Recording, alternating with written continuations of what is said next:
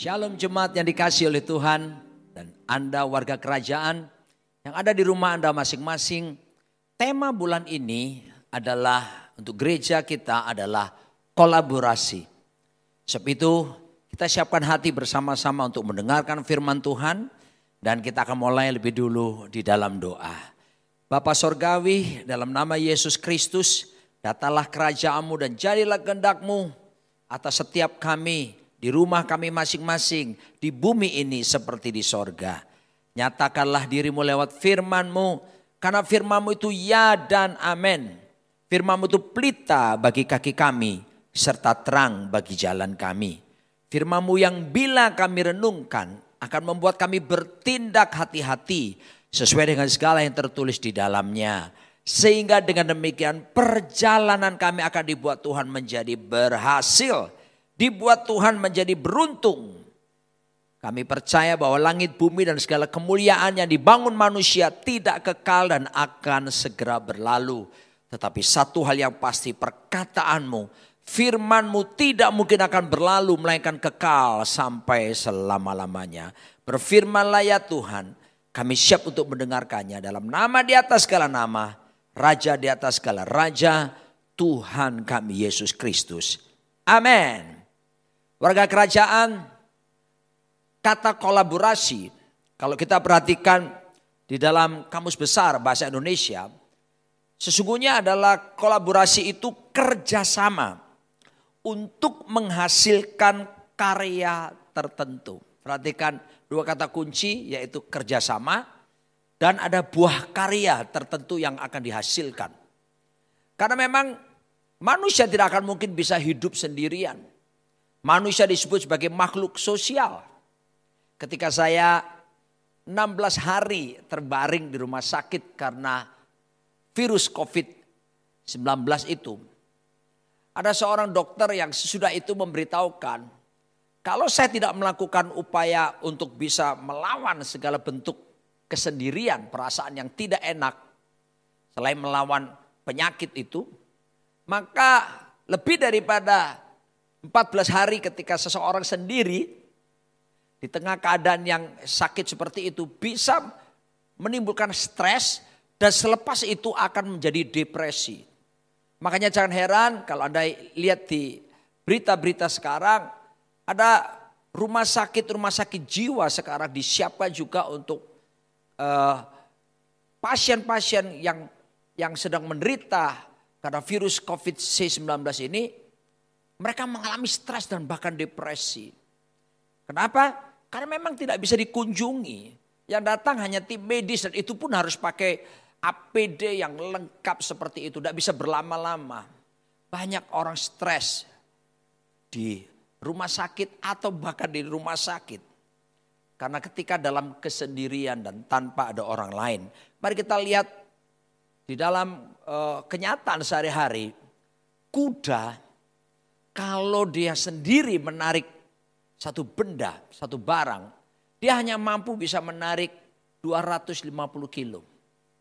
Tetapi kalau ada dua kuda bersama-sama menarik satu barang, maka dia, mereka sanggup melakukannya menarik barang 6.500 kilogram. Kurang lebih ada 26 kali lipat ketika dikerjakan dibanding satu kuda dengan dua kuda.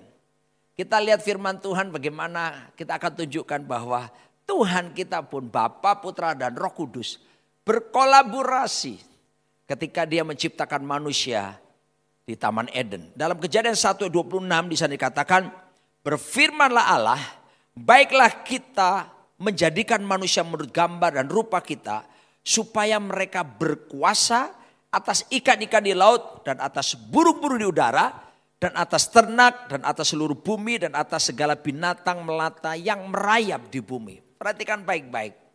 Dikatakan let us make man in our own image and our own likeness. Marilah kita, perhatikan kata kita di situ. Bapa, Putra, Roh Kudus berkolaborasi menciptakan manusia. Ada buah karya yang dihasilkan yaitu jadilah manusia, jadilah saudara dan saya. Maka itu kita kata kunci yang luar biasa itu as, kita. Ini menggambarkan tentang betapa pentingnya berkolaborasi untuk menghasilkan suatu karya yang luar biasa. Marilah kita jemaat meneladani Tuhan kita yang berkolaborasi. Makanya dia menciptakan manusia. Yang nggak mungkin manusia itu hidup sendiri. Karena kita dicipta serupa segambar dengan dia. Kita punya nature yang sama seperti dengan Tuhan itu sendiri. Yaitu nature salah satunya Tuhan itu suka sekali berkolaborasi. Bahkan ketika dia ciptakan saudara dan saya, dia ingin kita jadi partnernya. Ingat John Wesley pernah berkata, without God man cannot, without man God will not. Tanpa Tuhan kita nggak bisa buat apa-apa. Tapi tanpa manusia, Tuhan juga tidak akan melakukan sesuatu. Sebab itu perlu ada kolaborasi. Dan jemaat jadi kasih Tuhan, kita sebagai makhluk sosial, maka kita harus meneladani Tuhan. Yang memang Tuhan itu mau kita berkolaborasi. Saya akan bagikan kepada Anda semua di sini tentang prinsip-prinsip. Bagaimana kita bisa bekerja sama menghasilkan buah karya yang luar biasa dan tentunya bukan sekedar menghasilkan buah karya. Tapi kolaborasi yang kita bangun itu bisa berdampak luar biasa. Kita lihat tadi penciptaan manusia Tuhan menciptakan manusia dengan berkolaborasi. Ya, bahkan Tuhan bilang begini ketika cuma Adam saja yang diciptakan. Tuhan berkata begini, it's not good for man to be alone. Gak baik loh kalau laki-laki itu sendirian. Lalu diciptakanlah pasangannya yaitu Hawa. Supaya apa? Sebab Hawa, sebab Adam maksud saya hanya bisa berkolaborasi dengan maksimal kalau dengan sesama jenisnya yaitu manusia. Dia tidak akan bisa berkolaborasi dengan maksimal kalau dengan binatang. Maka itu diciptakanlah manusia yang lain yaitu Hawa. Kita akan melihat prinsip-prinsip yang membuat kolaborasi yang dibangun itu memiliki dampak yang luar biasa. Yang pertama, kita lihat firman Tuhan yaitu prinsip yang pertama bersepakat. Bagaimana kita bisa bersepakat? Coba lihat ayatnya di dalam Matius pasal 18 ayat 19. Di sana dikatakan, dan lagi aku berkata kepadamu, jika dua orang daripadamu di dunia ini sepakat meminta apa pun juga. Perhatikan kata ini. Sepakat, lalu Tuhan bilang meminta apa pun juga. Permintaan mereka itu akan dikabulkan oleh Bapakku yang di sorga. Anda bisa lihat sekali. Betapa Tuhan Yesus menjamin ketika ada kesepakatan. Maka permintaan apa pun loh, tentunya permintaan yang sesuai dengan firman Tuhan. Tuhan menjamin minta apa saja, maka Bapa di sorga akan mengabulkannya. Bukankah itu sesuatu yang luar biasa? Kita melihat hari-hari ini data-data menunjukkan informasi menunjukkan bagaimana mereka yang di negara-negara di luar sana yang pernah mengalami lockdown. Mereka justru keluarga-keluarga banyak terjadi KDRT. Bahkan tuntutan perceraian meningkat. Saudara yang dikasih Tuhan seharusnya ketika lockdown atau PSBB seperti ini kita keluarga berkumpul bersama-sama di situlah sebetulnya dasar-dasar daripada kerjasama kolaborasi keluarga itu diwujudkan. Karena Mazmur 133 mengatakan bahwa kalau satu keluarga berdiam dengan rukun, Tuhan menjanjikan ke sana aku akan perintahkan berkat-berkat serta kehidupan untuk selama-lamanya. Betapa pentingnya kolaborasi, kita mulai dari mana? Ayat ini berbicara tentang salah satunya keluarga. Jika dua tiga orang berkumpul dalam namaku dan bersepakat. Saya berpesan buat keluarga-keluarga yang ada di rumah ya Anda sering kali sering kali hanya ketemu dengan anggota keluarga saja nikmati itu ya saya tinggal di sebuah apartemen dan apartemen kami tidak besar dan kami pakai istilah tipe L4 apa itu lu lagi lu lagi gitu ya tapi yang membuat saya dengan istri saya bisa betah menikmati keadaan itu adalah karena menjaga hati untuk senantiasa bersepakat. Mengapa orang bisa bersepakat?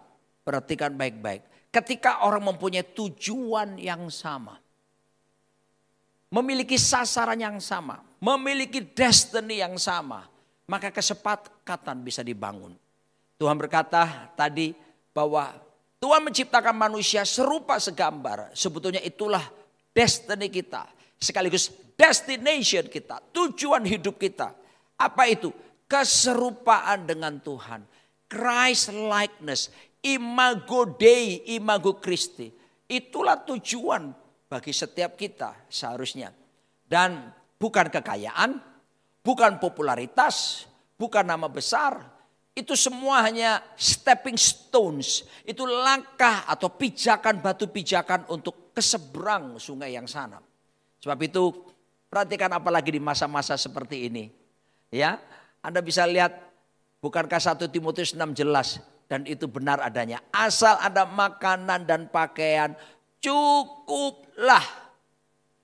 Saudaraku dikasih Tuhan, saya beberapa waktu lalu ada satu jemaat yang meminta saya untuk membimbing mereka dalam sel group.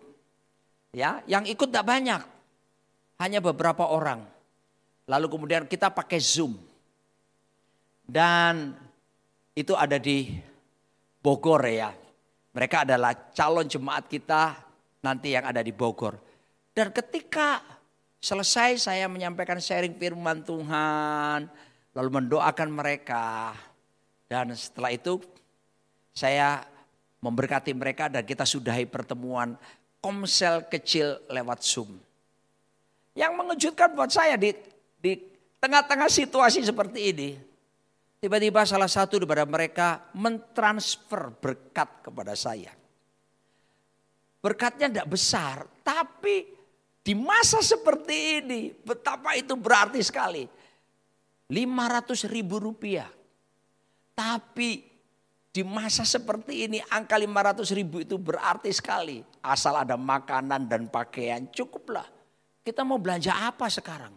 Kalau bukan kita perlu cari makanan, cari mak yang makanan bergizi, vitamin dan sebagainya. Setelah aku dikasih Tuhan, tetapi ketika kita menerima dengan penuh ucapan syukur, wow. Ya, Tuhan itu memelihara yang luar biasa. Tapi harus dimulai dengan apa? Kesepakatan dengan tujuan yang jelas. Tujuan yang jelas itu adalah jikalau kita sama-sama mengerti bahwa kita hidup harus memiliki tujuan yang pasti. Keserupaan dengan Tuhan Yesus Kristus. Mari kita evaluasi justru dalam stay at home. Kita renungkan baik-baik. Bagaimana dengan pekerjaan kita? Bagaimana dengan bisnis kita? Bagaimana dengan keluarga kita? Apakah berjalan pada tujuan yang tepat? Yaitu keserupaan dengan Kristus. Dan kalau ada penyimpangan di sana, ini saatnya kita memperbaiki lagi mesbah. Ini saatnya kita kembali kepada tujuan rel kehidupan kita. Dan ketika kita bersepakat, karena kita mengikuti tujuan keserupaan dengan Tuhan. Tuhan berkata bahwa apa pun yang mereka minta, Bapak akan memberikannya kepada mereka. Bukankah itu yang luar biasa? Jadi ingat baik-baik, harus ada kesepakatan, bersepakat. Yang kedua, prinsip yang kedua yang membuat kolaborasi mempunyai dampak yang luar biasa adalah Dikatakan dalam Matius pasal 18 ayat yang ke 20. Sebab di mana dua atau tiga orang berkumpul dalam namaku, di situ aku ada di tengah-tengah mereka. Apa yang bisa kita pelajari dari ayat ini? Dua tiga orang berkumpul dalam nama Tuhan. Tuhan berkata, aku ada di tengah-tengah mereka. Jesus must be the center of our life. Yesus harus menjadi pusat dari kehidupan kita. Yesus mengambil posisi tadi di tengah-tengah. Ketika murid-murid ketakutan waktu Yesus uh, bangkit itu, mereka mendengar kabar, ada yang percaya, ada yang tidak percaya bahwa dia sudah bangkit. Mereka berkumpul di satu ruangan dalam keadaan takut. Tiba-tiba dalam Yohanes pasal 20 Yesus menampakkan diri dan tepat di tengah-tengah mereka. Firman Tuhan mengatakan. Ya, Anda yang khawatir hari-hari ini. Anda yang sedang ketakutan. Kok nggak selesai-selesai sih rasanya pandemi ini. Kok malah jumlahnya uh, uh, bertambah atau bagaimana. Ada ada rasa kok pekerjaan terganggu dan semuanya. Anda yang gundah gulana, Anda yang mulai stres bahkan ke arah depresi, mari saya beritahu. Yesuslah yang harus menjadi center, pusat dari segala sesuatu yang ada di dalam hidup kita. Ketika kita mengizinkan Yesus menjadi pusat, itu artinya kita sedang mengizinkan dia menjadi prioritas utama di dalam diri kita. Ya, bukan cuma sekedar prioritas tapi must be our top priority, prioritas puncak dalam hidup kita, yaitu Yesus Kristus itu sendiri. Alkitab mengatakan dan Yesus yang berkata dalam Matius 6 ayat 33. Dikatakan tetapi carilah dahulu kerajaan Allah serta kebenarannya. Maka semuanya itu akan ditambahkan kepadamu. Sebab itu, nah ini di ayat yang ke-34. Janganlah kamu khawatir akan hari besok. Wow, karena hari besok mempunyai kesusahannya sendiri. Kesusahan sehari cukuplah untuk sehari. Beberapa hari lalu saya membuat uh, pertemuan dengan Zoom dengan seluruh gembala-gembala satelit sejabodetabek. Ya, saya mulai mulai pertemuan itu selain mulai dengan doa, kita mulai dengan saya tanyakan satu-satu kepada mereka. Bagaimana ketika masa pandemi ini? apa yang kalian alami. Karena pasti saudaraku tidak bisa dipungkiri bahwa penerimaan keuangan gereja mengalami penurunan yang luar biasa. Bahkan ada beberapa gembala satelit yang memiliki jenis usaha tertentu ya dan praktis harus ditutup. Dan apa yang terjadi? Saya bersyukur kepada Tuhan satu persatu mereka pada bercerita bahwa ada aja. Nah ini dia. Tuhan itu, Yesus itu ada aja. Ya ada yang sampai kami tidak tahu ini makanan dikirim oleh siapa. Orang tiada henti-hentinya. Dan semuanya saudaraku mengakui bahwa ada aja. Ya, haleluya. Penerimaan gereja boleh berkurang. Tapi bagi kita yang takut Tuhan yang berharap kepada Tuhan ada jaminan pemeliharaan yang luar biasa. Sebab pengharapan kita bukan pada manusia ataupun kekayaan uang. Ya, apalagi kita mendewakan orang kaya. Tidak, pengharapan kita adalah hanya Yesus Kristus Tuhan. Sebab tanpa Yesus tentu kita tidak bisa berbuat apa-apa. Selagi kita menempel, ranting kita menempel di pokok anggur itu, yaitu Yesus sendiri. Kita pasti dipelihara dan diberkati oleh Tuhan secara luar biasa. Sebab itu jangan khawatir. Kesusahan sehari cukup sehari. Kesusahan besok punya kesusahannya sendiri. Itu bisa terjadi kenapa? Kalau kita menempatkan Yesus jadi pusat. Kalau kita memprioritaskan kerajaan Allah serta kebenarannya. Tuhan berjanji semuanya akan ditambahkan kepadamu. Dalam terjemahan bahasa yang lain dalam kata Yunani, kata ditambahkan ini mengandung pengertian Kayak ada sesuatu yang dilemparkan kepada kita. Anda bisa bayangkan ya. Uh, kalau Anda nonton Sri Mulat atau apa saya pernah menyaksikan dalam panggung-panggung tertentu. Kalau pemainnya itu bisa membuat orang tertawa menyenangkan. Mereka dilempari uang. Ya, bahkan ada yang datang ke depan ngasih uang apa semua gitu. Ya, saya bisa bayangkan kalau kita punya prioritas nomor satu kerajaan Allah serta kebenaran kita nomor satukan Kristus jadi pusat dari segala sesuatu. Tuhan berjanji semuanya akan ditambahkan. Di tengah keadaan seperti ini ada aja pemeliharaan Tuhan. Berkat Tuhan. Burung di udara dipelihara.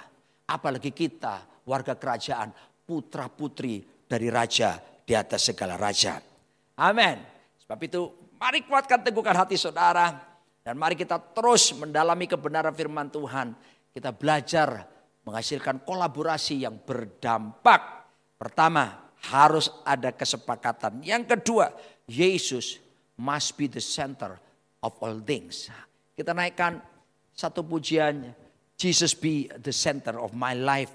Dan saya ajak saudara untuk nyanyi lagu ini sambil buat pengakuan. Ya, hanya Yesus yang menjadi pusat atas kehidupan kita. Jesus at the center of it all. Nyanyikan. Jesus at the center of it all. From beginning to the end, it will always be, it's always been you, Jesus. Jesus, nothing else, nothing else matters. Nothing in this world will do. Oh, oh, oh. oh. Jesus be the center. Everything revolves around you. Jesus, you from my heart, katakan, from my heart to the heaven. Jesus be the center. It's all about you.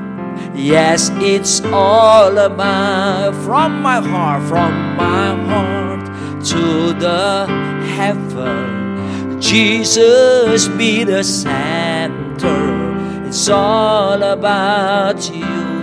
Yes, it's all about you.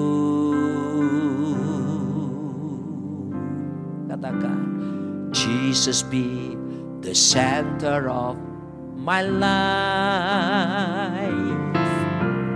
Jesus be the center of my life. From beginning to the end, it is always, it's always been you, Jesus. Jesus, panggil namanya Jesus. Jesus, you're the center of my life. Haleluya. Mari kita lanjutkan. Bagaimana supaya berkolaborasi yang membawa dampak yang luar biasa. Yang berikutnya kita akan membaca di dalam Amos 3 ayat yang ketiga. Firman Tuhan mengatakan berjalankah orang bersama-sama jika mereka belum berjanji. Apa makna daripada kebenaran ini? Kita tidak akan mungkin bisa berkolaborasi apalagi membawa dampak kalau tidak memiliki apa yang disebut dengan komitmen. Betapa pentingnya pegang komitmen. Dan ini tentunya saya arahkan dimulai dari keluarga lebih dulu. Bagaimana pernikahan dibangun dan bisa bertahan bahkan bisa mampu mengatasi badai hidup kalau punya komitmen dengan baik. Ikatan perjanjian. Dalam bahasa Inggris kata janji ada tiga level. Yang pertama yang paling rendah adalah promise. Itu janji biasa. Dan janji biasa ini boleh batal asal ada alasan yang kuat. Misalnya saudaraku dikasih Tuhan saya berjanji kepada Anda untuk mengunjungi keluarga Anda. Dan kita sudah deal jamnya, harinya. Tapi tiba-tiba saudaraku ada saudara kita yang lain tiba-tiba emergency minta didoakan di rumah sakit. Sehingga saya harus memberitahu kepada saudara bahwa sorry aku nggak bisa datang karena ada saudara kita yang lain butuh didoakan sedang emergency. Ya, ada di rumah sakit. Tentu saudara akan memahami saya dan saudara akan berkata, "Oh, silakan Pak Roni, doakan lebih dulu orang sakit." Ya, dan Anda tentu tidak akan marah kepada saya karena saya punya alasan yang kuat. Itulah promise. Boleh dibatalkan karena ada alasan yang kuat. Tapi yang kedua, itu yang disebut dengan level yang lebih tinggi, komitmen. Kata komitmen itu itu mengandung unsur vow, sumpah. Ya, ini perjanjian yang tidak boleh batal. Dan perjanjian inilah perjanjian yang kita biasa bangun dalam pernikahan kita. Saya hanya mau ingatkan kepada para suami istri yang ada di tengah keadaan ini kita sekarang sering di rumah ya. Jangan ngomong ya, lu lagi, lu lagi. No, justru di sinilah kita mengingat lagi tentang bagaimana perjanjian yang pernah kita buat. Bukankah kita saling berjanji bahwa aku akan mencintai kamu dalam keadaan apa pun. Lihat itu. Keadaan waktu uh, kaya, miskin, sehat, sakit, senang, susah, semua situasi. Dan kita berjanji itu bukan sekedar berjanji di hadapan pendeta, hamba Tuhan. Tapi di hadapan Tuhan. Level yang ketiga, komitmen yang paling tinggi ada namanya covenant. Itulah perjanjian Tuhan kepada kita manusia. Dan ini perjanjian kekal. Oleh sebab itu di gereja kita sering kali pemberkatan nikah selalu kita barengi pula dengan perjamuan kudus. Kenapa perlu perjamuan kudus? Karena mengingatkan kepada suami istri bahwa ada perjanjian kekal yang Tuhan mau nyatakan di tengah-tengah keluarga kita. Ada covenant. Oleh sebab itu, bagaimana bisa berkolaborasi? Pegang komitmen. Ya, mengalami stay at home. Nikmati saja. Seperti iklan berkata di luar sana, enjoy aja. Sebab stay at home sebetulnya itu Alkitabiah Kata home sendiri kan dalam bahasa Ibrani itu bait.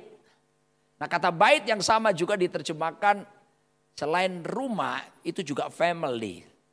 Sebab kata bait family itu the, the place you can feel your home. Home sweet home. Home blessed home.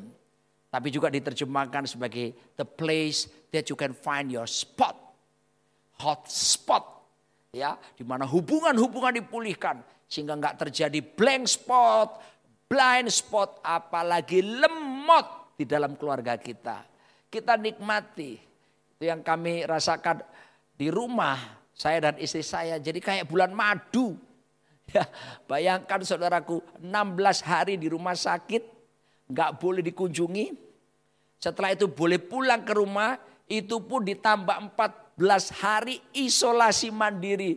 Total 30 hari saya nggak boleh bersama dengan istri saya. Makanya jangan heran ketika dites oleh dokter yang terakhir baik itu rapid test, PCR, swab maupun uh, eh, CT thorax.